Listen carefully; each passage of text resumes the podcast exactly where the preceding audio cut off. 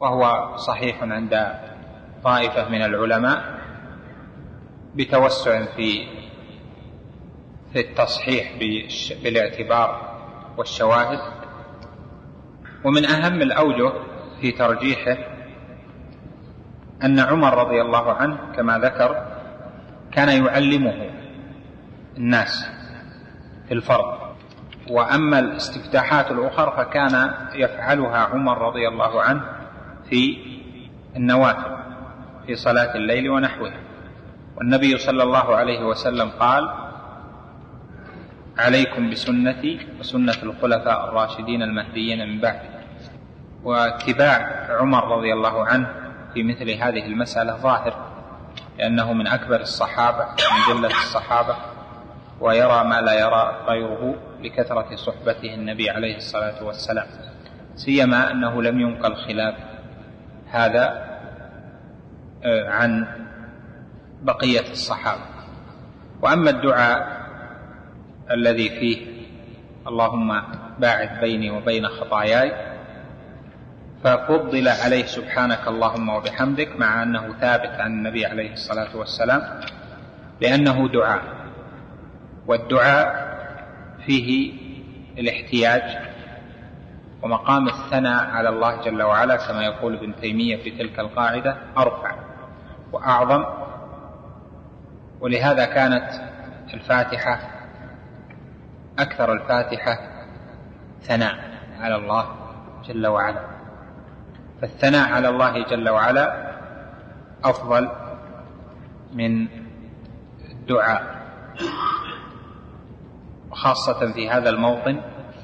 الذي فيه الافتتاح والإقبال على الله جل وعلا فيقبل عليه ويستفتح الصلاة بالثناء عليه سبحانه وتعالى والإقرار له بالوحدانية وبما يشتمل على أحب الكلام إليه وهو تنزيهه جل وعلا عن النقص وإبعاده عن النقائص بجميع أنواعها وإثبات أنواع الكمالات تحقيق معنى العبودية له جل وعلا. المقصود أن هذه الاستفتاحات واردة جميعا وفضل سبحانك اللهم وبحمدك تبارك اسمك وتعالى جدك ولا إله غيرك بأنواع من التفضيل ذكرها لك ابن القيم هنا وابن تيمية والإمام أحمد وأكثر أهل الحديث يؤيدون هذا الترجيح أو يعني يقولون بمثل هذا الترجيح. هل يسوغ الجمع بين سبحانك اللهم وبحمدك وبين اللهم باعد بيني وبين خطاياي جاء في حديث لكنه معلول أنه جمع النبي صلى الله عليه وسلم بينهما ولا يصح. قد ذكره ابن أبي حاتم فيما أذكر في العلل. والعلماء يقولون لا يجمع بينهما وإنما يقول هذا تارة وهذا تارة إن شاء ومع أن الأفضل الاستفتاح بالثناء على الله جل وعلا. وهكذا لو أراد أن يستفتح في الفرض بأكثر من من صيغتين مما ورد فإنه يقال ليس هذا في المشروع فإما أن تقول هذا وإما أن تقول هذا أو تنوع تارة هذا وتارة هذا. أما الجمع بين عدة استفتاحات فهذا خلاف الوارد وأما صلاة الليل ففيها سعة إن شاء أن يتوسع الثناء والدعاء في استفتاح الصلاة فالأصل في صلاة التطوع السعة فيها. نعم. نكتفي بهذا. ما ثبت في قاعدة. كيف؟ ما جاء وروده نعم. آه، نثبته بالفرض والله هذا قالها بعض العلماء لكن ليست متفقا عليه. ذهب إليها بعض العلماء وخاصة الشافعية ومن نحى نحوهم. وقد ذكرت في بعض الكتب مثل فتح الباري وبعض شروح الحديث لكن ليست متفقا عليه وعندي فيها وقت فيها تأمل لأنه ليس كل المسائل التي صلحت في النفل تصلح تصلح في الفرض في محل تأمل ما ما أظنها تستقيم في كل شيء. الشيخ الذي أقصى نعم. قول زاد قيد هو هو المقصود إلا بدليل. يعني لكن ما نعم. نعم مع عكس هذا صحيح كيف؟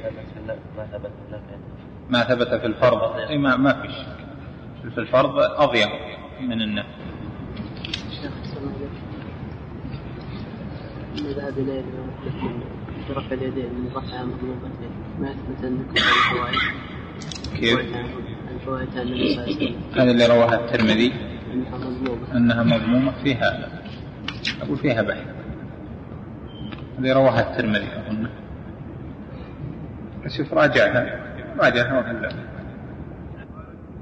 رحمه الله تعالى ونفعنا بصالح علمه.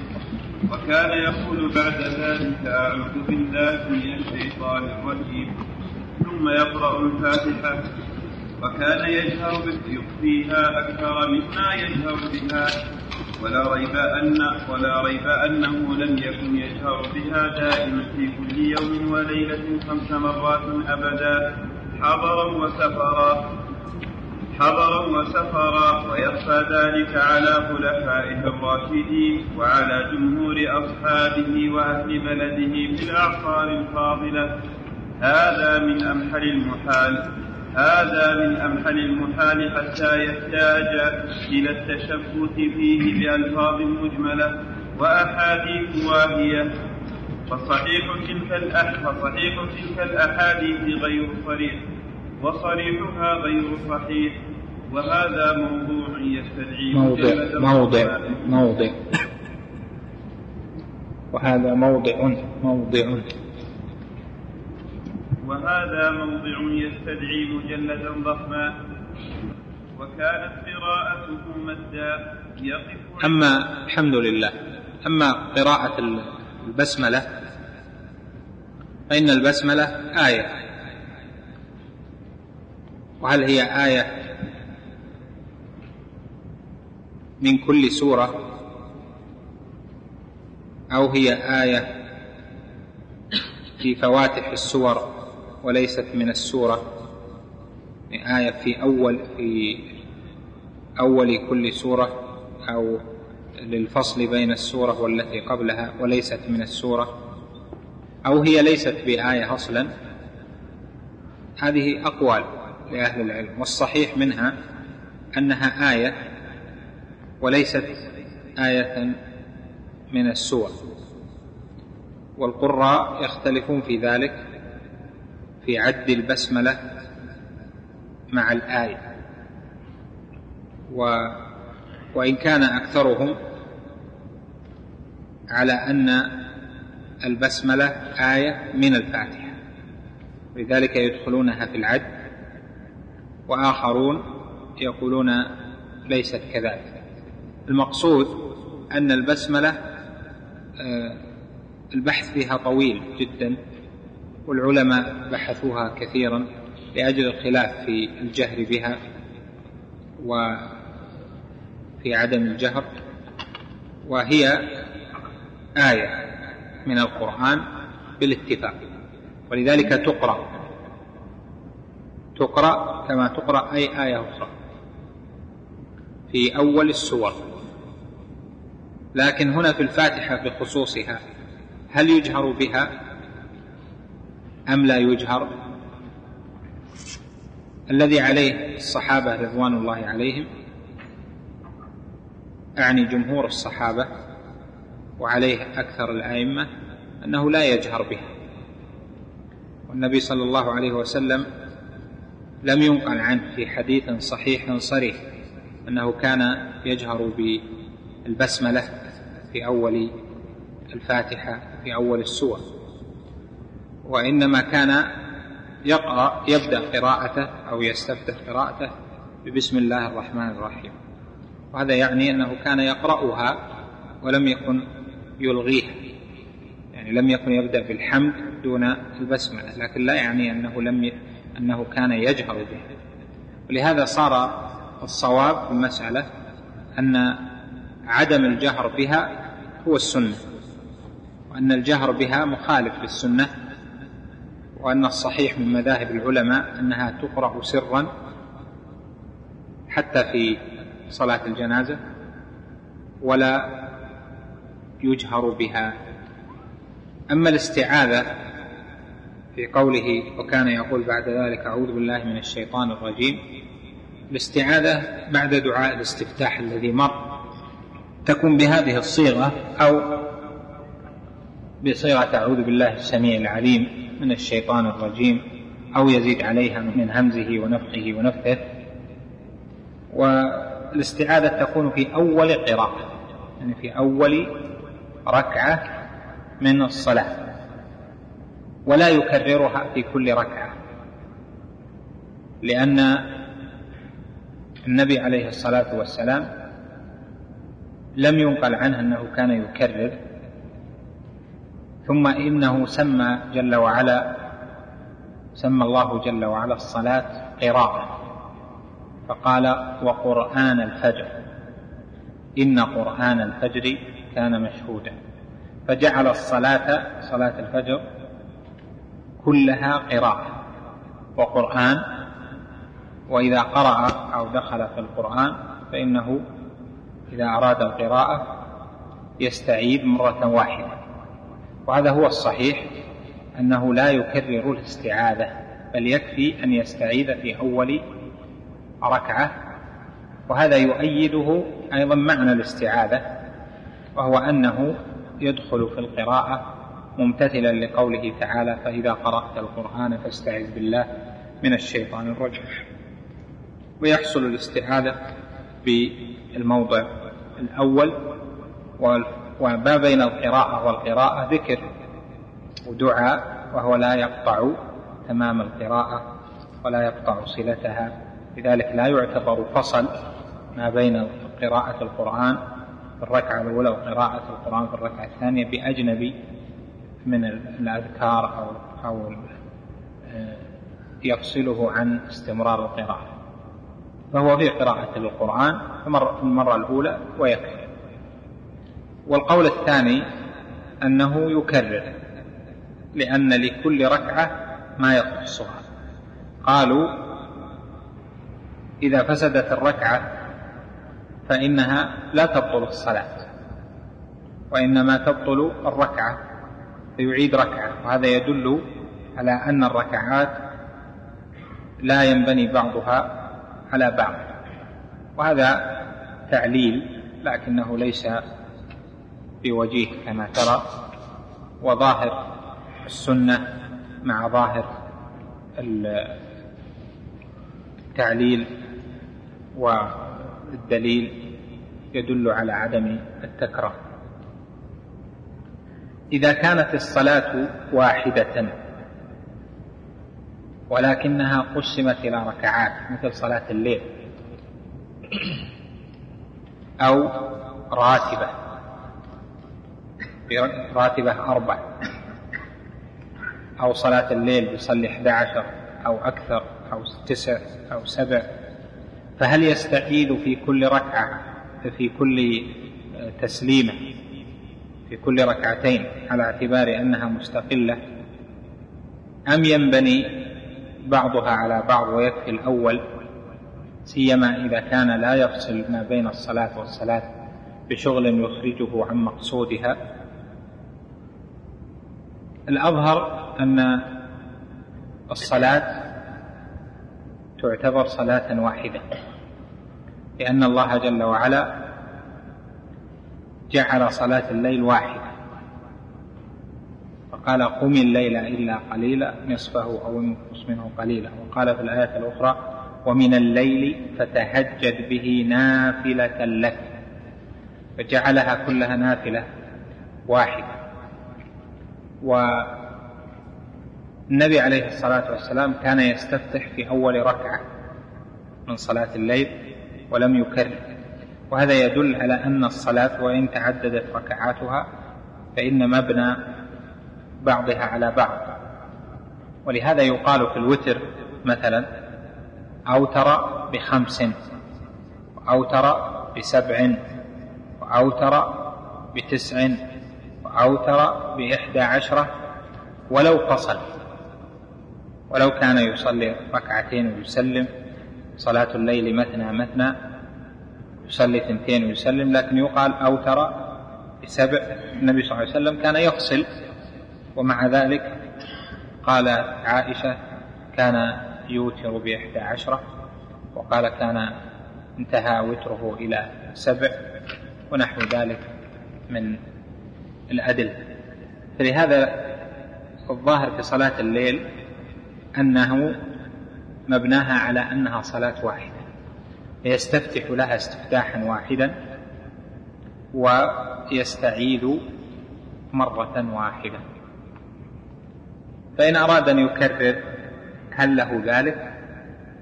نقول نعم لأنه ليس ثم ما يدل على عدم التكرار مع انفصال الركعات لكن ظاهر السنة أنه يبني بعضها على بعض والله أعلم. نعم. فإذا فرغ من قراءة الفاتحة قال آمين وكانت قراءته مدا يقف عند كل آية ويمد بها صوتا فإذا فرغ من قراءة الفاتحة قال آمين فإن كان يجهر بالقراءة رفع بها صوته وقالها من خلفه وكان له سكتتان سكتة بين التكبير والقراءة وعنها سأله أبو هريرة واختلف بالثانية؟ أعد أعد الكلام أعد وكان له سكتتان لا قبله. وكانت قراءته مدا يقف عند كل آية ويمد بها صوته. فإذا فرغ من قراءة الفاتحة قال آمين. فإن كان يجهر بالقراءة رفع بها صوته وقالها من خلفه. هنا كانت قراءته مدا يقف عند كل آية ويمد بها صوته يعني أن الفاتحة كان يقطعها عليه الصلاة والسلام. يقرأ الحمد لله رب العالمين ويقف الرحمن الرحيم يقف. مالك يوم الدين ويقف وهذا هو الأفضل. وإذا وصل فلا بأس لأن أصل الصلة آه، جائز وليس بمنهي عنه. أما قول آمين فإنه سنة وهي ليست من الفاتحة كلمة آمين لأن معناها اللهم استجب لما دعونا فيدعو بها الإمام والمنفرد والمأموم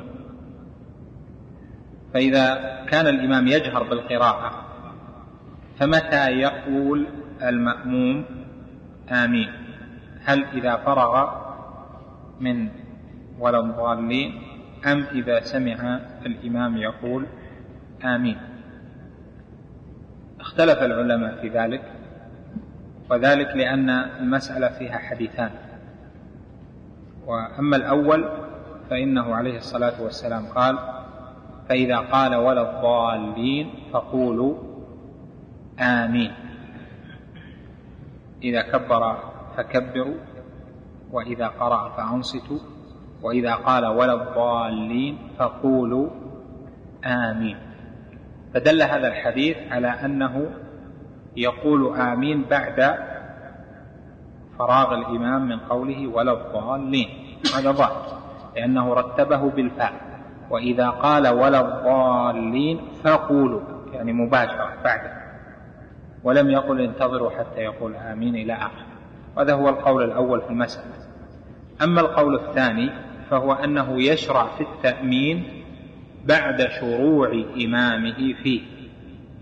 وذلك لدلالة الحديث الآخر وهو في الصحيح أيضا. وإذا أمن فأمنوا. أمن فأمنوا يعني إذا قال آمين كما في الرواية الأخرى وإذا قال آمين فقولوا آمين فإنه من وافق تأمينه تأمين الملائكة غفر له. فيدل على أن المأموم يشرع في التأمين بعد شروع إمامه فيه. وهذا هو الأرجح لأنه فيه الجمع بين القولين. هذا والقول الأول. طبعا هذا في حق الإمام الذي يعلم أنه يقول آمين. أما إذا كان الإمام لا يقول آمين جهرا فإن المأموم يقول آمين يبتدئ بها بعد انتهاء ولا الضالين. إذا كان يعلم أن هذا الإمام يقول آمين فإنه ينتظر حتى يبدأ بآمين ثم بعد ذلك يقول آمين بعده مباشرة. يعني بعد شروعه في آمين وليس بعد فراغه منها. نعم آمين دعاء فيفصل بينهم يعني ما يقول ولا الضالين آمين يعني يصلها بالفاتحة. هي ليست من الفاتحة. إذا أراد أن يقول يقول ولا الضالين آمين. انتهى الفاتحة بسكونها ومدها. آه بعد ذلك يقول آمين دعاء. لا يفصلها بالفاتحة لأنها ليست من الفاتحة ليست من القرآن هي دعاء. والجهر بالتأمين هو السنة خلافا للحنفية الذين يرون أن التأمين لا يجهر به. الحنفية يرون أن التأمين دعاء. والأصل في الدعاء الإسراء بقوله تعالى أدعوا ربكم تضرعا وخفية. فيدخلون التأمين في أن الدعاء المشروع فيه هو الإسراء. ويضعفون الأحاديث الواردة في الجهر ويحملون الأحاديث التي ذكرنا على الإسراء. تقول آمين سرا. إذا قال ولا الضالين تقول آمين سرا.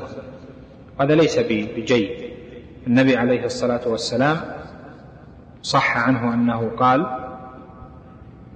ما حسدتكم اليهود على شيء كما حسدتكم على الأذان والتأمين. وجاء عنه أيضا عليه الصلاة والسلام أحاديث فيها في إسنادها بعض الشيء أنهم كانوا إذا أمنوا سمع التأمين من خارج المسجد أو كان له رجة مسجد. وهذا صح عن الصحابة فيما بعد لكنه عن النبي صلى الله عليه وسلم فيما يحضرني آه، ليس بثابت لكن الأول أن اليهود تحسد هل اليهود يحضرون الصلاة؟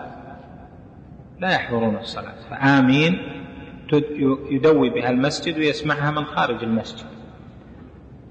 كما هو معروف أيضا بلال رضي الله عنه كان يقول كان يقيم عند باب المسجد كما هو معروف ويقول للنبي عليه الصلاة والسلام يا رسول الله لا تسبقني بآمين. لا تسبقني بآمين. وهذا يعني أن قول النبي صلى الله عليه وسلم آمين يتابعه فيها أو يقوله بعده المأمومون. فبلال يريد أن يدرك تأمين الصحابة بعد تأمينه. والأدلة على هذا معروفة في الخلاف مع فقهاء الحنفية. نعم. الأذان هو الإعلام. الإعلام. إعلام من خارج المسجد بدخول وقت الصلاة. لهذا كانت السنة أن يؤذن على ظهر المسجد وهكذا كان بلال بن أم مكتوم. فهذا ينزل وهذا يطلع مثلا أو هذا إذا طلع أذن إلى آخره. الأصل في الأذان ما يقال خارج المسجد يعني يكون في مكان مرتفع ليعلم من حول المسجد بدخول وقت الصلاة ويدعى الجميع إلى الصلاة. كان سابقا قبل مجيء الميكروفونات هذه يؤذنون في المنارة. في عهد النبي صلى الله عليه وسلم لم يكن ثم منارة. كان يؤذن على ظهر المسجد أو على ظهر بيت مجاور لإعلام الناس. لما جاءت المناير بعد ذلك صار يصعد على المنارة لتكون أبلغ. لما كثر الناس يكون أبلغ في انتشار الصوت.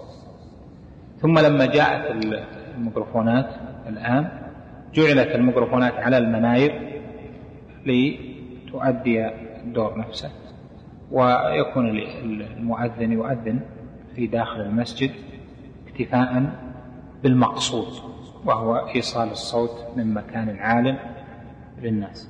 أما الإقامة فظاهر أن السنة فيها أن يقيم عند عند الباب. ولا يقيم المؤذن في مكانه. لكن صار هناك عرف. لذلك قال عليه الصلاة والسلام إذا سمعتم الإقامة فلا تأتوا الصلاة وأنتم تسعون وأتوها وأنتم تمشون فما أدركتم فصلوا وما فاتكم فأتموا أو فقدوا إذا سمعتم الإقامة كيف يسمعونها وهم في داخل المسجد؟ وقوله وأنتم تسعون هذا يدل على أنهم بعيدين. على أنهم بعيدون أنهم يحتاج إلى سعي معناه بيركضون لل... فإذا كانت في داخل المسجد في البعيد لا يسمع. هذا يدل على المعروف الأذان أنهم كانوا يؤذنون عند باب المسجد. والآن مع الميكروفونات خلاص حصل المقصود لأنه إذا أقام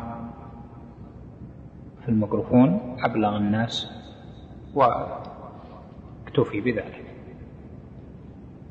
وفي قول آخر لبعض طلبة العلم أن أصل الإقامة لا تشرع في الميكروفونات وإنما الأذان فقط. وأما الإقامة فهي لمن داخل المسجد دون من هو خارج المسجد لأنها إعلام الحاضرين بالقيام إلى الصلاة. لكن هذا فيه نظر وكما ذكرت لكم أنها إعلام للبعيد. في بعض طلبة العلم ألف رسالة في هذا معروف. أي قول أول. يعني ولا الضالين بعد ولا الضالين ما هنا فرق. أقول هذه بتدخل في هذه والموافقة لا تعني الموافقة من أوله إلى آخره الموافقة لا تعني المساواة. ما تكون استعاذة للقرآن تكون ذكر ثاني. الاستعاذة اللي بحثناها اللي هي مأمور بها فإذا قرأت القرآن فاستعذ بالله. أما اللي تسأل عنه هذا بحث آخر. يعني هل له أن يذكر الله بذكر آخر غير لوارد؟ لو لو عمل لم يأثم لكن الأحسن أنه ما يدخل في الصلاة إلا الأذكار الواردة. اقرأ. بسم الله رب العالمين وصلى الله وسلم على نبينا محمد وعلى آله وصحبه أجمعين. قال المصنف رحمه الله تعالى ونفعنا بصالح علمه كان له صلى الله عليه وسلم سكتتان سكتة بين التكبير والقراءة وعنها سأله أبو هريرة واختلف في الثانية وروي أنها بعد الفاتحة وقيل أن وقيل إنها بعد القراءة وقبل الركوع وقيل هي سكتتان غير الأولى فتكون ثلاثا والظاهر إنما هي اثنتان فقط. وأما الثالثة فلطيفة جدا لأجل تراث النفس ولم يكن يصل ولم يكن يصل القراءة بالركوع بخلاف السكتة الأولى فإنه كان يجعلها بقدر الاستفتاح. والثانية قد قيل إنها لأجل قراءة المأموم فعلى هذا ينبغي تطويلها بقدر قراءة الفاتحة. وأما الثالثة فللراحة والنفس فقط وهي سكتة لطيفة. فمن لم يذكرها فلقصرها ومن, ومن اعتبرها جعلها سكتة ثالثة فلا اختلاف بين الروايتين. وهذا أظهر ما يقال في هذا الحديث. وقد صح حديث السكتتين من رواية سمرة وأبي بن كعب وعمران بن حصين. ذكر ذلك أبو حاتم أبو حاتم في صحيحه وسمرة وسمرة هو ابن جندب. وقد تبين بذلك أن أحد من روى حديث السكتتين سمرة بن سمرة بن جندب. وقد قال حدث من رسول الله صلى الله عليه وسلم سكتتين سكتة إذا كبر وسكتة إذا فرغ من قراءة غير المغضوب عليهم ولا الضالين. وفي بعض طرق الحديث فإذا فرغ من القراءة سكت وهذا كالمجمل. واللفظ الأول مفسر مبين. ولهذا قال أبو سلمة ولهذا قال أبو سلمة بن عبد الرحمن للإمام سكتتان فاغتنموا فيهما القراءة بفاتحة الكتاب إذا افتتح الصلاة وإذا قال ولا الضالين. على أن تعيين محل السكتة على أن تعيين محل السكتتين إنما هو من تفسير قتادة فإنه روى الحديث فإنه فإنه روى الحديث عن الحسن عن سمرة قال سكتتان حفظتهما عن رسول الله صلى الله عليه وسلم فأنكر ذلك عمران. فقال حفظناها سكتة فكتبنا إلى أبي بن كعب بالمدينة فكتب أبي أن قد حفظ سمرة. قال سعيد فقلنا لقتادة ما هاتان السكتتان؟ قال إذا دخل في الصلاة وإذا فرغ من القراءة. ثم قال, ثم قال بعد ذلك وإذا قال ولا الضالين. قال وكان يعجبه إذا فرغ من القراءة إذا فرغ من القراءة أن يسكت أن يسكت حتى يتراد إليه نفسه. ومن يحتج ومن يحتج ومن يحتج بالحسن عن سمرة يحتج بهذا.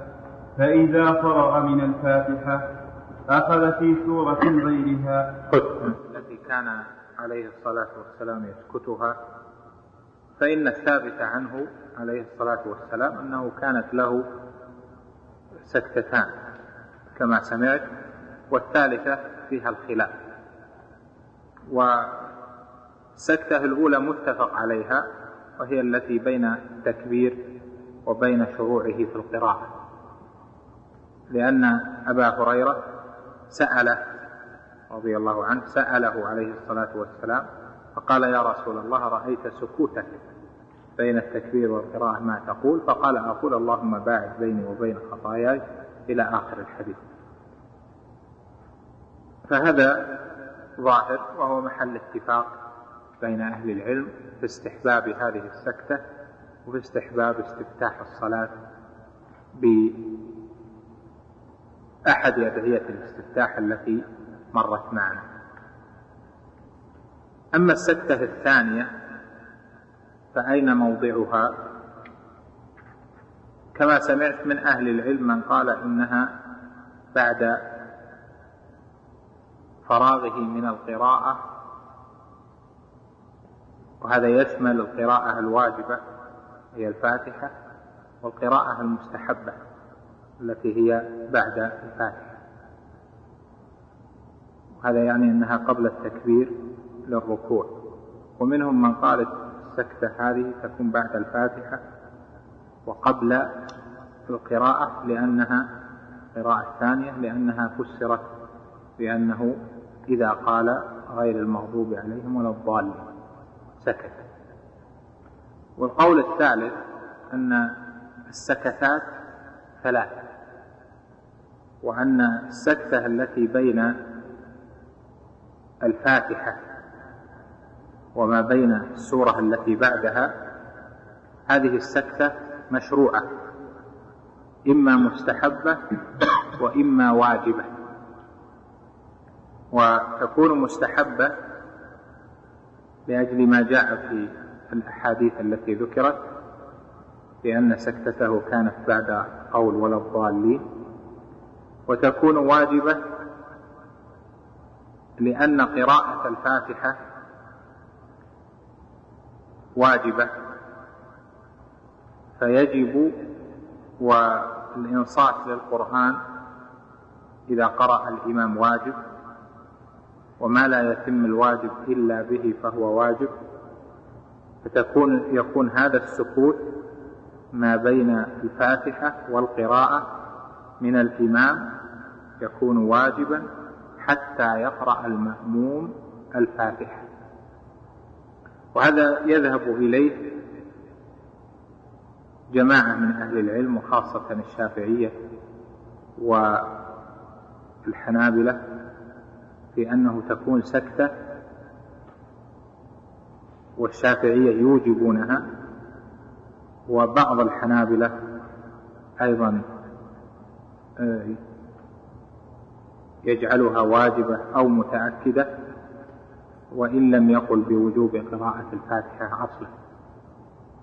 وابن حجر رحمه الله ذهب إلى الوجوب وأكد عليه في الفتح لأجل ذلك وقال يترجح أو معنى كلامه أنه سيترجح أن يكون السكوت بعد الفاتحة لأجل أن قراءة الفاتحة واجب وأما ما سمعت من كلام أبي سلمة بن عبد الرحمن رحمه الله في أنه يقرأ الفاتحة في سكتات الإمام حتى في السكتة الأولى. يعني إذا قرأ الاستفتاح فإنه تقرأ فيها الفاتحة. هذا ليس بصحيح. يعني ليس هو بالصحيح. وإنما قراءة الفاتحة واجبة. ولا بد أن تكون بعد إتيان الإمام بها. لأن الواجبات في الصلاة تكون بعد فعل الإمام لها أو بعد قوله لها إذا كانت في جهر. تكبير الثاني ما يكون إلا بعد الإمام وكذلك الشروع في التسبيح ما يكون إلا بعد الإمام يعني لأنه يكون قد ركع قبل وسجد قبل إلى آخره. فالأصل في في ذلك قوله عليه الصلاة والسلام إذا كبر فكبروا وإذا ركع فاركعوا وعم ذلك قوله إنما جعل الإمام ليؤتم به فلا تختلفوا عليه. وسبق الإمام بالقراءة الصحيح فيه هو أن لا يسبق الإمام بقراءة الفاتحة بل يؤخرها بعده. هذا كله على القول بأن قراءة الفاتحة إذا جهر الإمام أنها واجبة. وأما إذا كانت مستحبة فيقرأ ما تيسر أو آه، تركها فلا شيء عليه.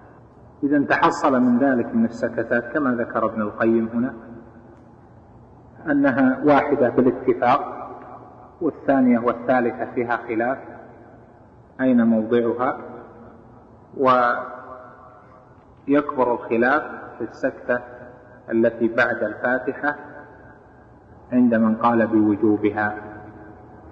يعني بوجوب السكتة هذه حتى يتمكن المأموم من امتثال الواجبين واجب قراءة الفاتحة وواجب الإنصات إذا قرأ الإمام. شيخ الإسلام ابن تيمية وجماعة ومنهم ابن القيم وكذا لا يذهبون إلى أن إذا تحصل من ذلك من السكتات كما ذكر ابن القيم هنا أنها واحدة بالاتفاق والثانية والثالثة فيها خلاف. أين موضعها؟ ويكبر الخلاف في السكتة التي بعد الفاتحة عند من قال بوجوبها يعني بوجوب السكتة هذه حتى يتمكن المأموم من امتثال الواجبين. واجب قراءة الفاتحة وواجب الإنصات إذا قرأ الإمام. شيخ الإسلام ابن تيمية وجماعة ومنهم ابن القيم وكذا لا يذهبون إلى أن الفاتحة بعدها سكتة وإنما السكتة آه، قبل الركوع ويجعلون أنه يصل يعني بعد قول آمين يسكت سكتة خفيفة جدا ثم يبدأ القراءة بعدها. نعم. لا هو يذكر الأقوال. اللي هو هذا من حيث الترجيح لكن من حيث مذهبه يعني ترجيح الروايات. مو كفقه حيث الحديث والحديث. نعم. متابع على الحديث. نعم. وأن يعني سهل نعم. وأن الحديث هو كبر فعل التكبير فعل ولا قول؟ إذا كيف يعني؟ لا مو بركن لا التكبير مو بركن. الركن تكبيرة الإحرام فقط. تحريم أما بقية التكبيرات واجبة. ما فهمت وش الوجهة أنا أن هذه وجهة بعض أهل العلم معروفة لكن هل هي مقنعة أو ما هي بظاهر؟ وإذا أصل الإمام يؤتم ما دام النبي يقرأ فأنت تتابع تقرأ بعده بيكبر تسمع تكبيره وتكبر بعده إنما جعل الإمام ليؤتم به. أما مثل التسبيح وقول رب اغفر لي وقراءة التحيات هذه خفية. الخفي ما يلزم فيها. كيف؟ كيف تتابع في شيء خفي؟ لا يمكن إلا أن تتابعه في الفعل. متابعتك إياه في الفعل تعني أنك تبدأ بعده. هذا بين نعم اقرأ.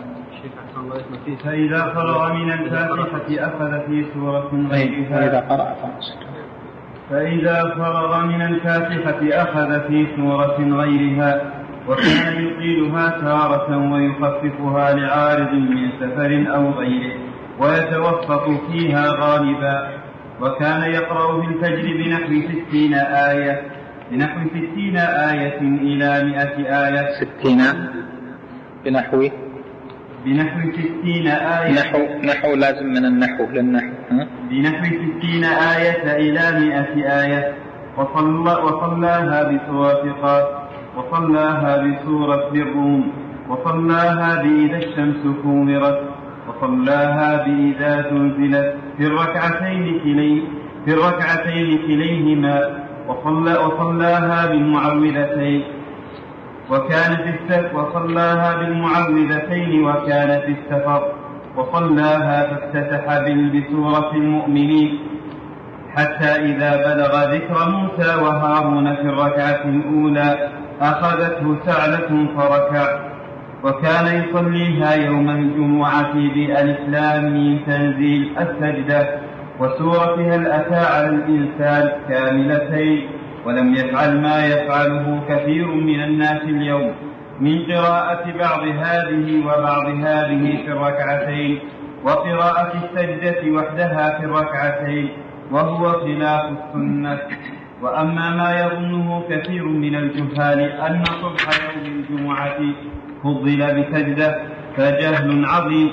ولهذا كرهه بعض كره بعض الأئمة قراءة سورة السجدة لأجل هذا الظن وإنما كان صلى الله عليه وسلم يقرأ هاتين السورتين لما اشتملتا عليه من ذكر المبدأ والمعاد وخلق آدم ودخول الجنة والنار وذلك مما كان ويكون في يوم الجمعة فكان يقرأ في فجرها ما كان ويكون في ذلك اليوم.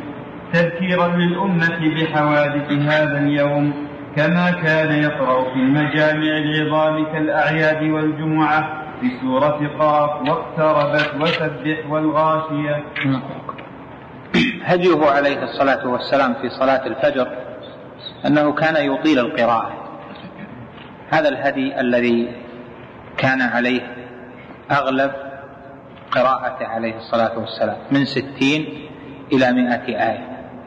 وكان يقرأها من طوال المفصل وربما قرأ من غير طوال المفصل. الستين إلى مائة آية هي في قدر في نحو عشر دقائق إلى ربع ساعة يعني من جهة القراءة. وربما قرأ من أواسط المفصل وربما قرأ من قصار المفصل لكن ليس هو الأصل. أما قراءة إذا زلزلت الأرض زلزالها قراءة المعوذتين هذا كان في السفر. وقراءة إذا زلزلت في الركعتين فعلها النبي صلى الله عليه وسلم في السفر. قال الراوي لا ندري هل نسي أم فعلها عمدا عليه الصلاة والسلام. وليست مما حافظ عليها النبي صلى الله عليه وسلم وإنما فعلها مرة. فليس من السنة أن يقرأ بها الإمام في الحضر عامدا ويكرر ذلك في الصلوات يصلي كل أسبوعين أو كل أسبوع يقرأ إذا زلزلت في الركعتين ويرى أن هذا سنة هذا خلاف السنة. والسنة في ذلك أن هذا جائز وليست هي السنة التي حافظ عليها وإنما فعلها عليه الصلاة والسلام في سفر لعارض وهذا يدل على الجواز. أما فعلها في الحضر أو تكرار ذلك هذا ليس موافقا لما عليه أكثر الأحاديث في أنه كان يطيل القراءة في الحضر عليه الصلاة والسلام. وسورة ألف لام ميم تنزيل السجدة وسورة الإنسان أهل العلم متفقون على أن قراءتهما في فجر يوم الجمعة أنها سنة. لأنه ثبت بها الحديث الصحيح وهذا محل اتفاق وإجماع. لكن اختلفوا هل يجزئ عن كل سورة بعض السورة أم أنه إما أن يقرأها كاملة أو أن تترك إلى غيرها. على قولين. الأول وهو الذي ذكره ابن القيم ومال إليه أنه أن السنة في قراءة السورتين كاملتين فليست السنة في قراءة بعض السورة سورة ألف لام من تنزيل السجدة ثم سورة هل أتى على الإنسان؟ يقرأ بعض هذه وبعض هذه أو يقولون ليست السنة أنه يقرأ سورة من السورتين ويقسم ذلك على الركعتين. والقول الثاني أن القاعدة الشرعية أنه يأتي الإنسان فيما أمر فيه بما يستطيع. وإذا أمرتكم بأمر فأتوا منه ما استطعتم. وإذا كان في قراءة هاتين السورتين بطولهما فيه مشقة على المأمومين خاصة بعض الأئمة لا تكون قراءته حدرا لا تكون سهلة عليه. فربما قرأ سورة السجدة وسورة الإنسان وطول عليهم جدا لأجل طول قراءته. أو لعدم إجادته الحفظ أو نحو ذلك مما يطول عليهم. والأصل في الصلاة أن يراعي حال من وراءه. فأخذوا من قوله إذا أمرتكم بأمر فأتوا منه ما استطعتم. والأصل أن الإنسان يأتي من السنن بما يستطيع أن له أن يقرأ بعض هذه وبعض هذه يعني من أولها من أول ألف لام من تنزيل ثم من أول الإنسان أو نحو ذلك لأن فيها إبقاء على السن على بعض السنة وفيها تذكير بأن هذا آه، قراءة السورتين من السنة. أما السجدة فلم يخص فجر يوم الجمعة بسجدة. النبي صلى الله عليه وسلم ما قرأ ألف لام تنزيل ما قرأها لأجل أن فيها سجدة. ولكن كما ذكر ابن القيم لأن سورة السجدة فيها ذكر المبدأ خلق الإنسان وبدأ خلق الإنسان من طين ثم جعل نسله من سلالة من ماء مهين ثم سواه ونفخ. وفيها ذكر آه، حال عباد الله المؤمنين وكيف أنهم يخبتون لربهم ويقومون تتجافى جنوبهم عن المضاجع. وفيها ذكر المآل والفتح والحكم ما بين المؤمنين والكفار وما يكون في يوم الجمعة من المبدأ ما كان من المبدأ وما يكون من الختام وقيام الساعة إلى آخر ذلك كما ذكر ابن القيم. فليس المقصود منها السجدة ولذلك ليس من السنة أن يقرأ سورة فيها سجدة. هذا مخالف للسنة؟ مثلا يقرأ بدالها سورة العلق اقرأ باسم ربك الذي خلق خلق الإنسان علق لأجل أن يسجد. أو يقرأ آه، وسط سورة مريم لأجل أن يسجد ونحو ذلك فليس السنة في السجود وإنما السنة في قراءة السورتين جميعا. نعم. فصل. إيش؟ بعض يمسك المصحف من أجل أن السنة. لا, لا في الفريضة لا تمسك المصحف. من هو اللي يمسك المصحف؟ علمنا عنه. لا في الفريضة لا تمسك المصحف لأنه آه، أخذ المصحف في الصلاة جاء عن السلف بقلة في أنه يمسك في في النفل. أما في الفرض فليس من السنة وليس من هدي السلف. وإن كان لا يبطل الصلاة لكنه يفعل لا ما يفعلها.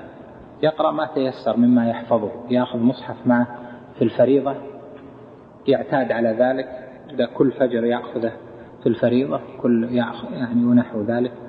هذا يفضي إلى أن لا يؤم الناس أقرأهم لكتاب الله. نعم. إيش؟ ركوع ركوع صلى الله عليه وسلم مع يعتبر سنه لنا إذا ما استطاع أنه يكمل مو يعني آه، خفيف كحة ولا جاه يعني لا إذا ما استطاع أنه يكمل. أخذته سنة فركع يعني لأنه ما استطاع أنه يكمل. أو جاء شدة بكاء شدة بكاء ما استطاع أنه يكمل يركع. حتى لو كان يعني مو مجرد البكاء مجرد الكحة. نعم. إذا سبقه إذا سبقه بطل هذا الركن الذي سبقه فيه. يعني إذا ركع قبله ركوعه هذا باطل. فيجب عليه أن أن يرجع ويتابع الإمام. يعني مثل سهى وركع والإمام ما بعد ركع. ثم ركع الإمام. فيجب عليه أن يرجع يقوم لأن السهى غلطه ثم يركع بعد الإمام. لأن أحوال المأموم مع الإمام أربعة أحوال. إيش هي؟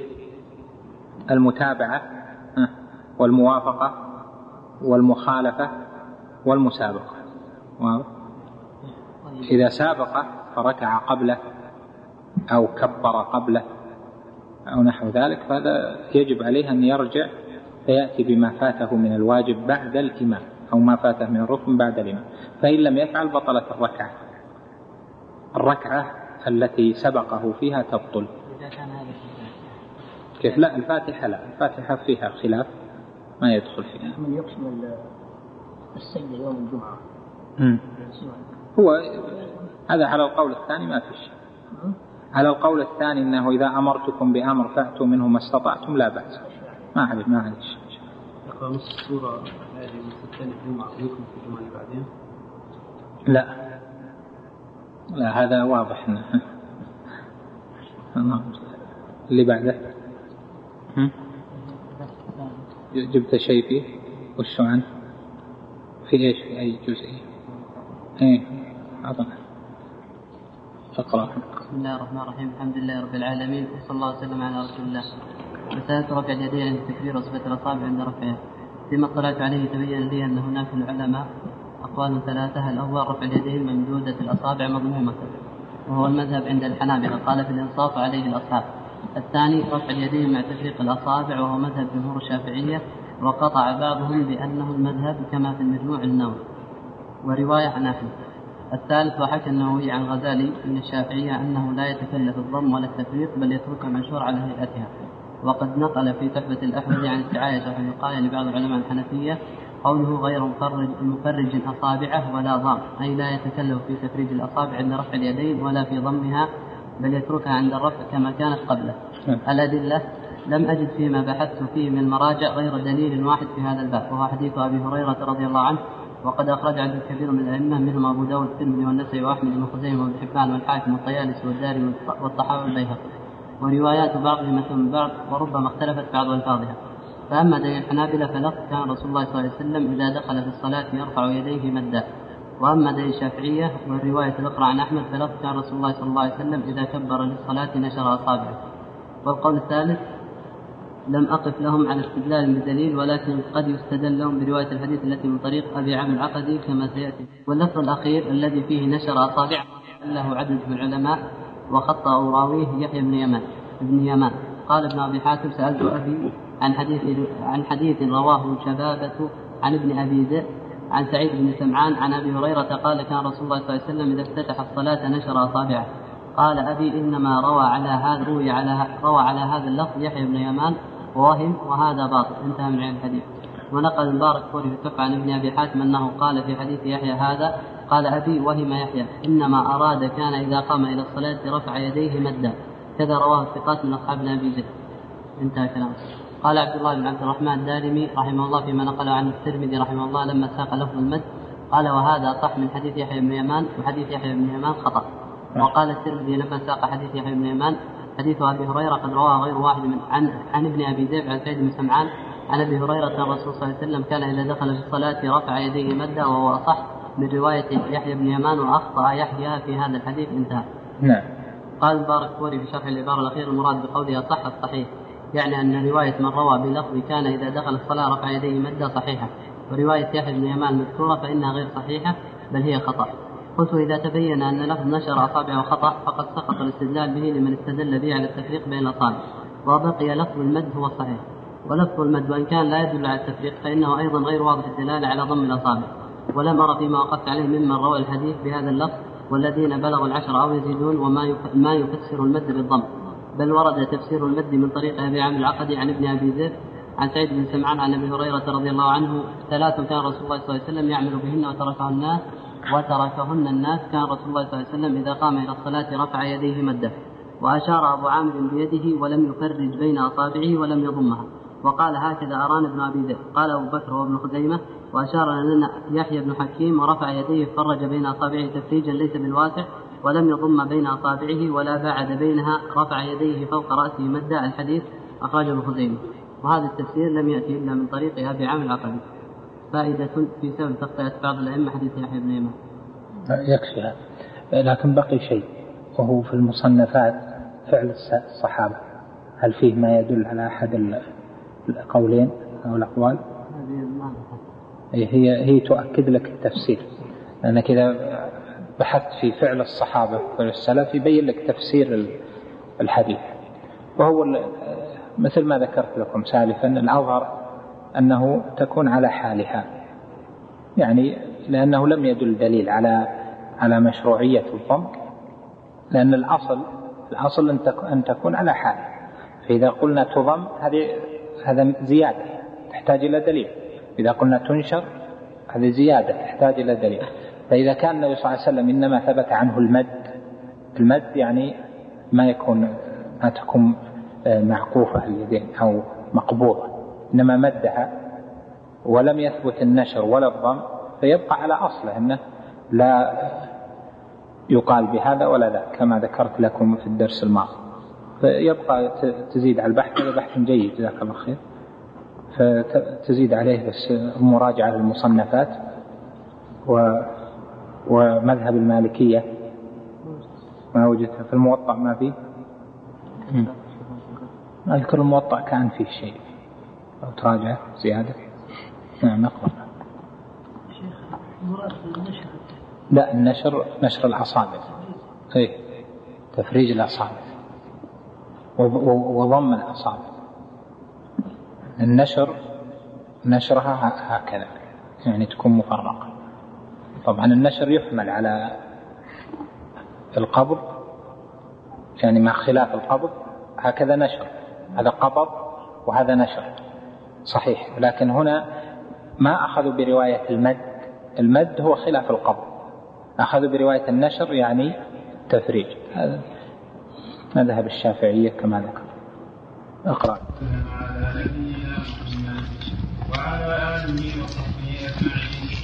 قال المصنف رحمه الله تعالى ونفعنا بصالح منه وأما الظهور فكان يطيل قراءتها أحيانا حتى قال أبو سعيد إذا صلاة الظهر تقام فيذهب الذاهب إلى البقيع فيقضي حاجته ثم يأتي أهله فيتوضأ ويدرك النبي صلى الله عليه وسلم في الركعة الأولى مما يؤمنها رواه مسلم وكان يقرأ فيها تارة بقدر الإسلام من وتارة بسبح ربك الأعلى والليل إذا يغشى وتارة بالسماء ذات الهدى والسماء والطارق.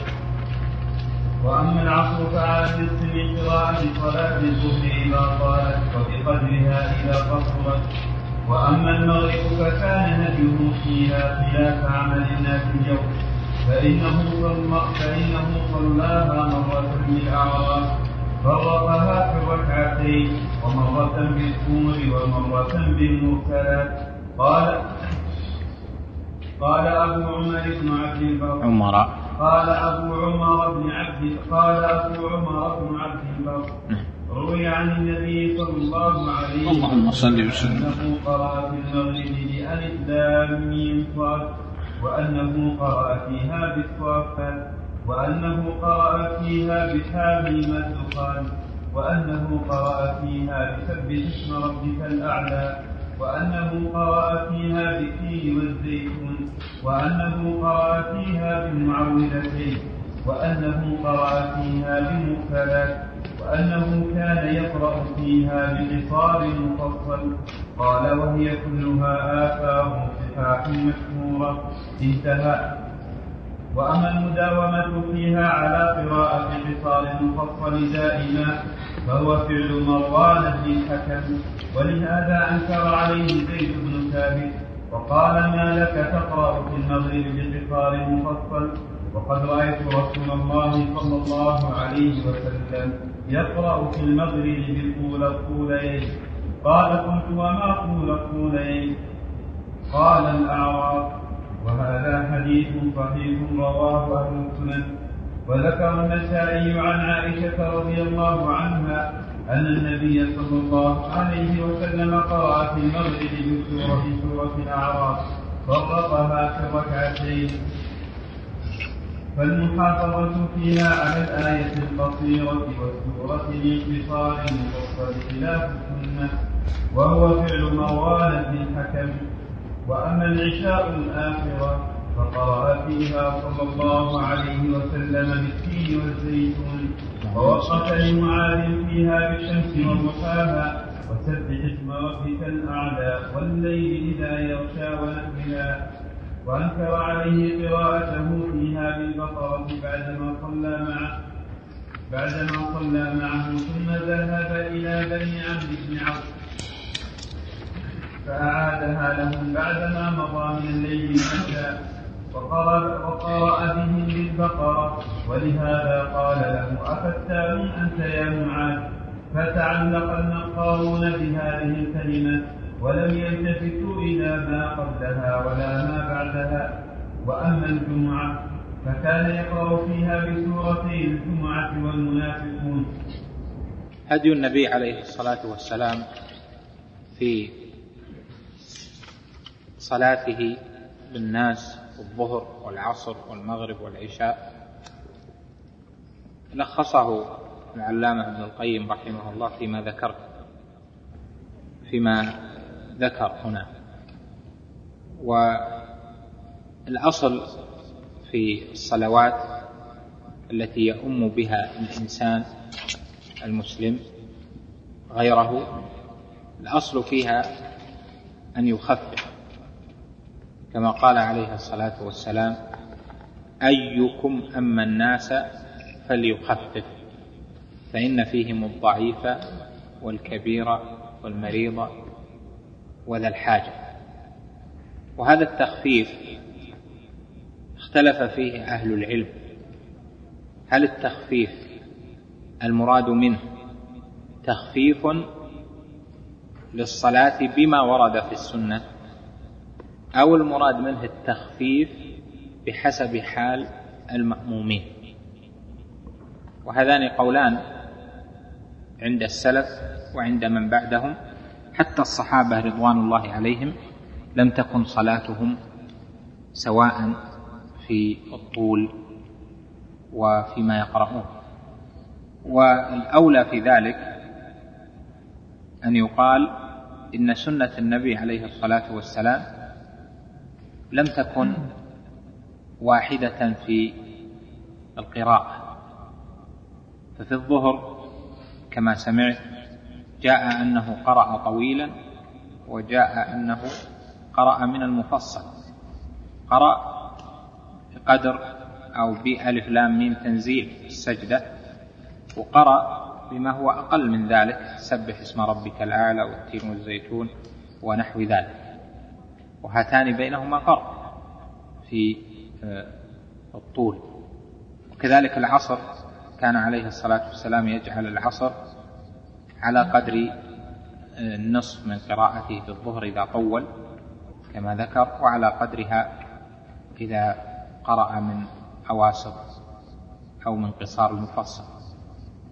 كذلك المغرب كانت قراءته فيها من القصار قصار المفصل وربما طول كما قرأ الأعراف مرة كما قرأ الطور ونحو ذلك. حميم الدخان. وهذا يتنوع. فإذا كان كذلك كان الأصح أن يفهم قول النبي عليه الصلاة والسلام أيكم أما الناس فليخفف أنه يخفف يعني من حيث امتثال الأمر على قدر ما ورد في السنة. أما التخفيف الذي لم يرد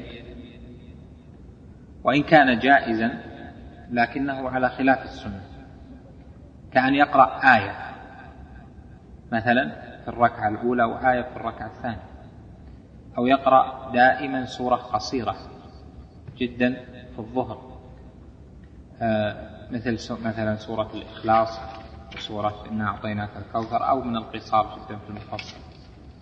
وهذا تخفيف لكنه ليس على وفق السنة. ولهذا الصحيح أنه التخفيف مأمور به والتخفيف لأجل مراعاة الناس فيراعي الناس بالقدر الأقل الذي وردت به السنة.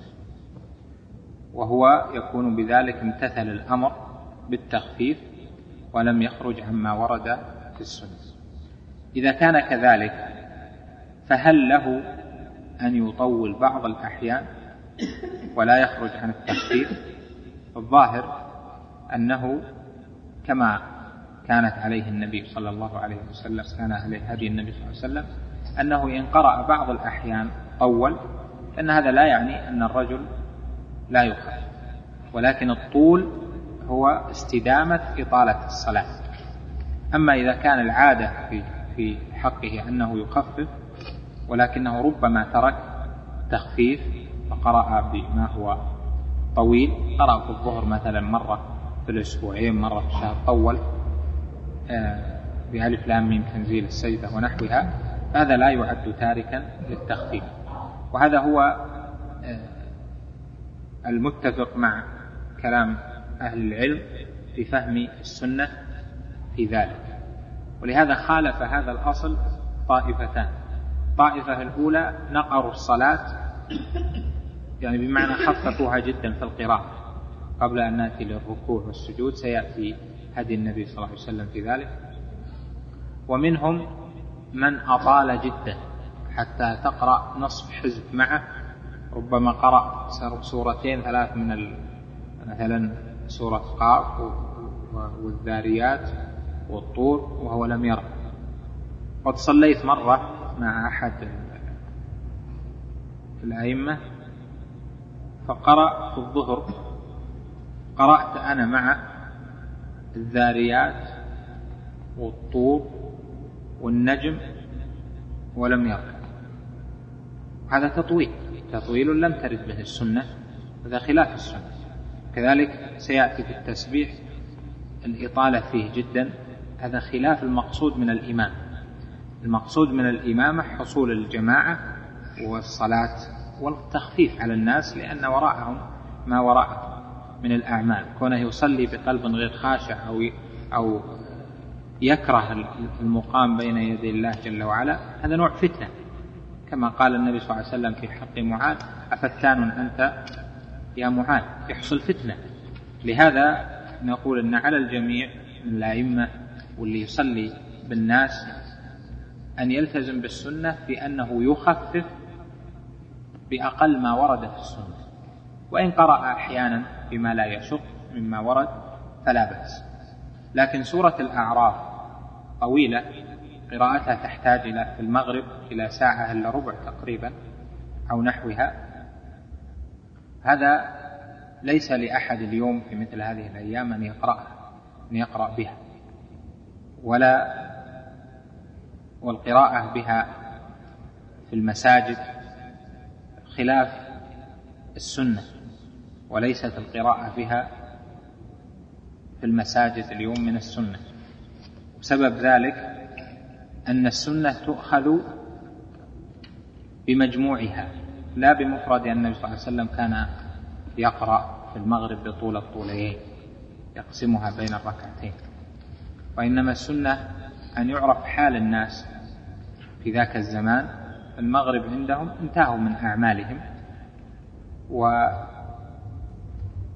ويؤوبونهم إلى بيوتهم وهم مع النبي عليه الصلاة والسلام الصحابة رضوان الله عليهم بعده لم يؤثر أنهم كانوا يقرؤون الأعراف في المغرب وأما اليوم في المغرب وقت عمل ووقت انتشار الناس.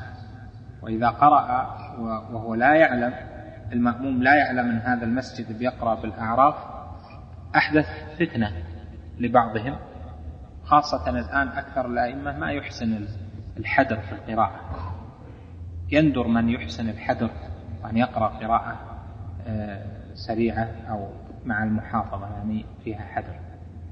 لهذا لم يكن من هدي علمائنا في هذه البلاد من وقت إمام الدعوة الشيخ محمد بن عبد الوهاب رحمه الله إلى أقرب الأوقات إلى وقتنا هذا.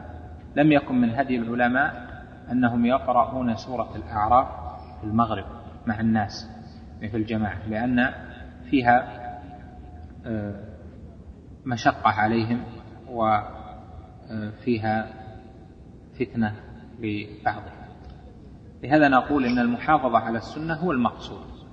مسلم يحافظ على السنة والإمام يحافظ على السنة وهذه تكون بالتخفيف وبقراءة ما تيسر مما لا يشق على المأمومين وكان قد ورد في سنة النبي صلى الله عليه وسلم. أو ورد قدره. يعني. نعم. وأما الجمعة فكان يقرأ فيها بسورتي الجمعة والمنافقون. كاملتين وسورة سبح والغاشية. وأما الاقتصار على أيضا السنة الثالثة التي رواها مسلم في الصحيح أنه كان يقرأ في الأولى بالجمعة وفي الثانية بالغاشية. النبي صلى الله عليه وسلم في الجمعة ثبت عن ثلاث أنواع من السنة. قرأ الجمعة في الركعة الأولى قرأ المنافقين في الركعة الثانية وقرأ سبح في الأولى والغاشية في الثانية وهذه كانت الأكثر. والثالثة التي رواها مسلم في الصحيح أنه قرأ الجمعة في الأولى وقرأ الغاشية في الثانية. فالتنويع بين هذه الثلاث للأئمة في الجمعة هو السنة. نعم. وأما الاقتصار على قراءة أواخر السورتين يا أيها الذين آمنوا إلى آخرها فلم يفعله قط وهو مخالف لهديه الذي كان يحافظ عليه. يعني يقصد يا أيها الذين آمنوا إذا نودي للصلاة من يوم الجمعة والآية التي بعدها ويا أيها الذين آمنوا لا تلهكم أموالكم ولا أولادكم عن ذكر الله من آخر سورة المنافقون إلى آخرها. لا شك أن قراءة آخر هذه وقراءة آخر هذه ليس من السنة. وهل له أن يفعل ذلك؟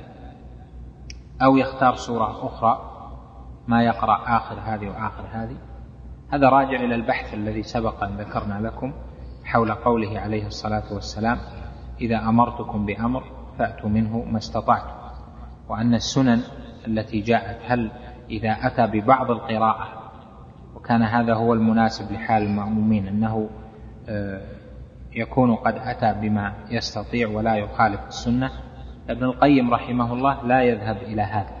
يرى إما أن تقرأ السور على ما وردت أو تقرأ غيرها وقول آخر لبعض أهل العلم له أن يقرأ ما تيسر مما ورد في السنة بحسب ما يناسب الحال. نعم. وأما قراءته في وأما قراءته في الأعياد فتارة كان يقرأ سورتي قاف واقتربت فتارة كان يقرأ سورتي قاف واقتربت يعني اقتربت الساعة وانشق القمر إلى آخر نعم. وتارة سورتي الفتح والغاشية. وهذا هو الهدي الذي استمر صلى الله عليه وسلم عليه إلى أن لقي الله عز وجل. لم ينسخه شيء. ولهذا أخذ به خلفاؤه الراشدون من بعده فقرأ أبو بكر رضي الله عنه في الفجر سورة البقرة حتى سلم منها قريبا من طلوع الشمس. فقالوا يا خليفة رسول الله صلى الله عليه وسلم كادت الشمس تطلع؟ فقال لو طلعت لم تجدنا غافلين. وكان عمر رضي الله عنه يقرأ فيها بيوسف والنحل وهود. والنحل وبهود وببني إسرائيل ونحوها من السور ولو كان تطويل هود ممنوع من الصرف ولا مصروف؟ نعم نعم. والله اختلفتها الحين. هذا مجمع اللغة هذا. ناس يقولون مصروف وناس ها لا تفكر تجي من ناحية القواعد. أنت اذكر الآيات. هو تجي منصوب منونة ولا غير منونة؟ هدى وردت بالوجهين فإذا هي يجوز فيها الوجهان وإلى وإلى عاد أخاهم هودا. هذه منونة. معناها أنها إيش؟ أنها مصروفة. والآية الثانية فيها إيش؟ إيش الآية اللي فيها؟ المقصود يجوز فيها الوجهان هي وكل الأسماء اللي وسطها ساكن حرف علة ساكن من الأعجمية هذه يجوز فيها الوجهان. أنتم راجعوا. نعم كمل. يا وكان عمر رضي الله عنه يقرأ فيها بيوسف والنهل وبهود وبني إسرائيل ونحوها من السور ولو كان تقليده صلى الله عليه وسلم منسوخا لم يدفع عن خلفائه الراشدين ويطلع ويطلع ويطلع عليها النصارون وأما الحديث الذي رواه مسلم في صحيحه عن جابر عن جابر بن سمرة أن النبي صلى الله عليه وسلم كان يقرأ في الفجر بقاف والقرآن المجيد وكانت صلاته بعد تخفيفا بعد وكانت صلاته بعد وكانت صلاته بعد تخفيفا بعد إذا قطعت عن الإضافة تضم كل الظروف هذه. إذا قطعت عن الإضافة تضم تقول بعد الشيء ثم تقول بعد. وكانت قراءته يعني بعد ذلك تخفيف. إذا قطعت عن الإضافة تقول وكانت قراءته بعد. مثل لله الأمر من قبل ومن بعد ويومئذ يفرح المؤمنون بنصر الله نعم والمراد بقوله بعد أي بعد الفجر أي أنه كان يطيل قراءة الفجر أكثر من غيرها وصلاته بعدها تخفيفا ويدل على ذلك قول أم الفضل وقد سمعت ابن عباس يقرأ والمرسلات عرفا. فقالت يا بني لقد ذكرتني بقراءة هذه السورة. إنها لآخر ما سمعت من رسول الله صلى الله عليه وسلم يقرأ بها في المغرب. هذا في آخر الأمر. وأيضا فإن قوله وكانت صلاته بعد غاية قد ترك ما هي مضافة إليه. فلا يجوز إضمار ما لا يدل عليه السياق وترك إضمار ما يقتضيه السياق والسياق إنما يقتضي أن صلاته بعد الفجر كانت تخفيفا ولا يقتضي أن صلاته كلها بعد ذلك اليوم كانت تخفيفا. هذا مما لا يدل عليه اللفظ. ولو كان هو المراد ولو كان هو المراد لم يخف على خلفائه الراشدين فيتمسكون بالمنسوخ ويدعون الناس وأما قوله لا صلى الله كان في اشكال هو المراد صح؟ صح ولا ما يصح؟ إن كان هو المراد. وهو؟ لا. إذا كان يعني ذاك إذا كان هذا التفسير هو المراد. وش تصير؟ وليش ما تصير هو المراد؟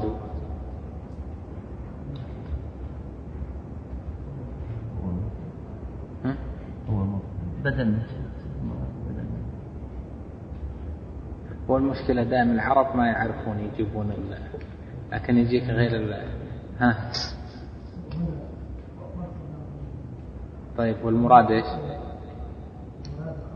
ما شاء الله ودائما غير العرب هم اللي يكونون جيدين في اللغة هو هذه ذكرتها لكم عدة مرات. تسمى ضمير فصل أو ضمير عماد.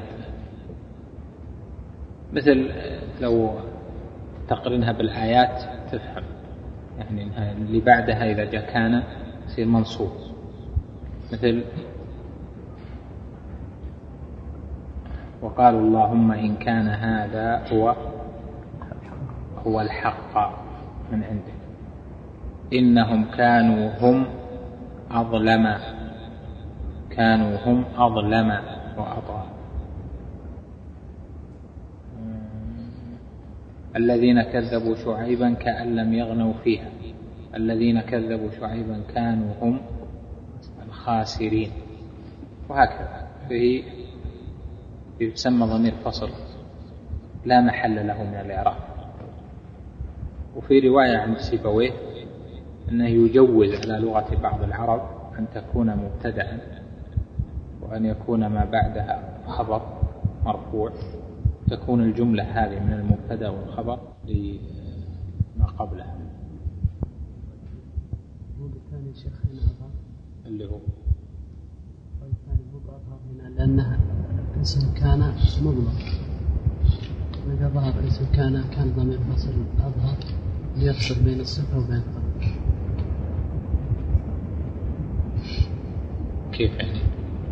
إذا ظهر اسم كان ليفصل بين أن يكون ما بعد اسم كان خبرا أو صفة يأتي بضمير الفصل وإذا استتر اتضح المعنى فكان فكان التأويل بأن الجملة أظهر يعني أنت قصدك الضمير ولا إذا إذا ما استتر؟ إذا كان اسم كان ظاهرا ظاهرا سواء كان ضمير أو أنها اسم ظاهر. هذا هذا شرط مختلف فيه. هذا الشرط مختلف. هو ما لها ما لها دليل. لأن ما الفرق بين الظهور والاستتار هنا؟ أو الظهور وعدم الظهور. لأن أصلها هم بنوه على أن هو وهم اللي هو ضمير الفاصل والإثمات أتى للفرق ما بين الصفة والخبر. وهذا هل يسلم أو لا يسلم؟ وبناء عليه جعل البصريين بعض الشروط اللي ذكرها ابن هشام في المغني وذكرها غيره. وبقائها على الدلالة على على ما جاء في القرآن أو في أنه إذا جاء ضمير الفصل فإنه يستوي أن يكون ما قبله ظاهرا أو غير ظاهر. لكن هل ورد في القرآن ما قبله غير ظاهر وهو ضمير فصل؟ لا هو وش الفرق يعني؟ هو ما ورد بس وش الفرق؟ أنا ما أستحضر الآن. لكن وش الفرق؟ من اسم الفصل؟ ما يفصل بين الخبر وبين الصفة؟ لكن إذا ما ظهر الاسم ما يحتاج الفصل. من اللي سماه فصل أي تتكلم من اللي سماه فصل سماه البصريون. والكوفيون يسمونه ضمير إيش؟ عماد لأن الكلام يعتمد عليه هو لا محل له من الإعراب. على كل حال هذا بحث جيد. جزاك الله خير. نعم. وأما قوله صلى الله عليه وسلم أيكم أما الناس فليكفر وقول أنس رضي الله عنه كان رسول الله صلى الله عليه وسلم أخف الناس صلاة بتمام فالتخفيف أمر مثلي. يرجع إلى ما فعله النبي صلى الله عليه وسلم وواظب عليه لا إلى شهوة المأمون فإنه صلى الله عليه وسلم لم يكن يأمره بأمر ثم يخالفه. وقد علم أن وقد علم أن من ورائه الكبير والضعيف ولا الحاجة فالذي فعله هو التخفيف الذي أمر به. فإنه كان يمكن أن تكون صلاته أفضل من ذلك بأضعاف مضاعفة فهي خفيفة بالنسبة إلى أفضل منها. فهي خفيفة بالنسبة إلى أفضل منها. وهل الذي كان الأول الأول كويس ما خلنا بالنسبة بالنسبة إلى أفضل منها أيوة. وهدي الذي كان واظب عليه هو الحاكم على كل ما تنازع فيه المتنازع ويدل عليه ما رواه النسائي وغيره عن ابن عمر رضي الله عنهما قال كان رسول الله صلى الله عليه وسلم يأمرنا بالتخفيف ويأمرنا بالصافات فالقراءة بالصافات من التخفيف الذي كان يأمر به. والله أعلم. وهذا حق. لكن ابن القيم رحمه الله يذهب إلى حسن تطويل الصلاة حتى على المأمومين. وصلاته رحمه الله تعالى كانت مشهودة له في أنه كان يطيل الصلاة في خشوع. وقد ذكر المترجمون لابن القيم أنه كان يطيل الصلاة سواء الفرض أو النافلة آه، يطيلها جدا يطيل ركوعها ويطيل سجودها رحمه الله رحمة واسعة. وهو يميل إلى هذا الشيء. والآخرون من العلماء وهم الأكثر لا يفهمون هذا الذي فهمه ابن القيم من أن التخفيف على الناس يكون بقراءة الصافات أو بقراءة يوسف وبقراءة سورة هود ويونس ونحو ذلك بل يرون التخفيف راجعا إلى ما هو الأخف في حق المأمومين مما وردت به السنة. فإذا كان وردت السنة بعدة أصناف يعني بعدد من السنن فإن الأخف منها هو الذي يجمع ما بين التخفيف وما بين المتابعة السنة في ذلك. وهذا هو الذي ينبغي وأن يحافظ عليه حتى يأخذ الأمر يأخذ المسلم بالهديين. الأمر بالتخفيف ومتابعة فعل النبي صلى الله عليه وسلم في سنته العملية. أما قراءة آه، السور الطويلة هذا فيه إشكال على الناس خاصة الآن الناس يعني قليل منهم من يحسن القراءة يعني بالحدث يعني يقرؤون بالتجويد وبالمدود وإلى آخره ما يستطيع معها أن يقرأ يمكن نصف جزء فضلا عن أنه يقرأ سورة فيها جزء أو ستة أثمان آه، مثل سورة يونس أو هود أو يوسف.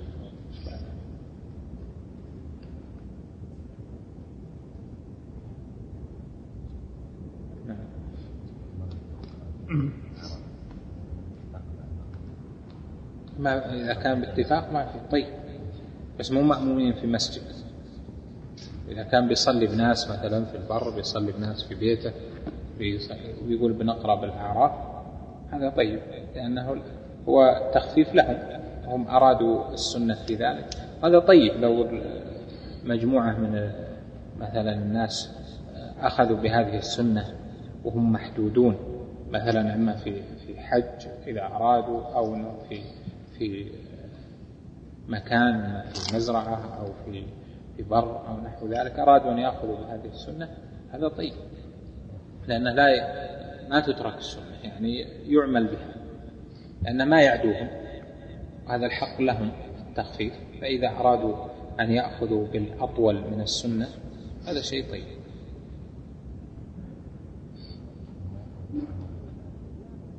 نعم. إيه. لا إذا كان يقرأ قراءة ما هي بقراءة حدر إيه ما يطلع الوقت لأن الأعراف كم هي تقريبا؟ يعني جزء وثمنين تقريبا. ها؟ جزء وثمنين هذه تحتاج إلى في القراءة المتأنية إلى ثلث ساعة إلى 25 دقيقة. القراءة المتأنية يعني حدر بأنا. إذا كان بيرتلها تقعد أكثر من ذلك. ما ما يطلع لي شيء. ما أظن يطلع لي شيء. اللي بعده؟ قواعد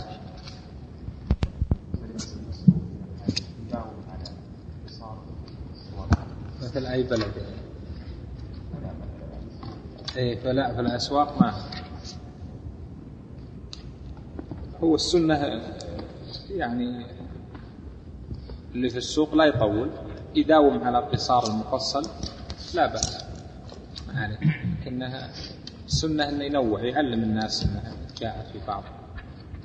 لكن هو الإمام قراءته أنه يصلي مثلا مع بعض الأئمة. يقرأ الطور كأنها قراءة شخص آخر للشمس والضحى يقرأ الطور كأنه يقرأ آخر الشمس وضحاها والليل بحسب قراءة الخاطر الأصل للناس التخفيف. في الأسواق والناس اللي عندهم أعمال أو قريب من مستشفيات أو يصلي مع أطباء وأشباه ذلك هذا يخفف قدر الإمكان. يأخذ بالأقل من السنة. نعم. أخي المستمع الكريم تابع ما تبقى من مادة هذا الشريط على الشريط التالي. مع تحيات تسجيلات الراية الإسلامية بالرياض هاتف رقم أربعة تسعة واحد واحد تسعة ثمانية خمسة. والسلام عليكم ورحمة الله وبركاته.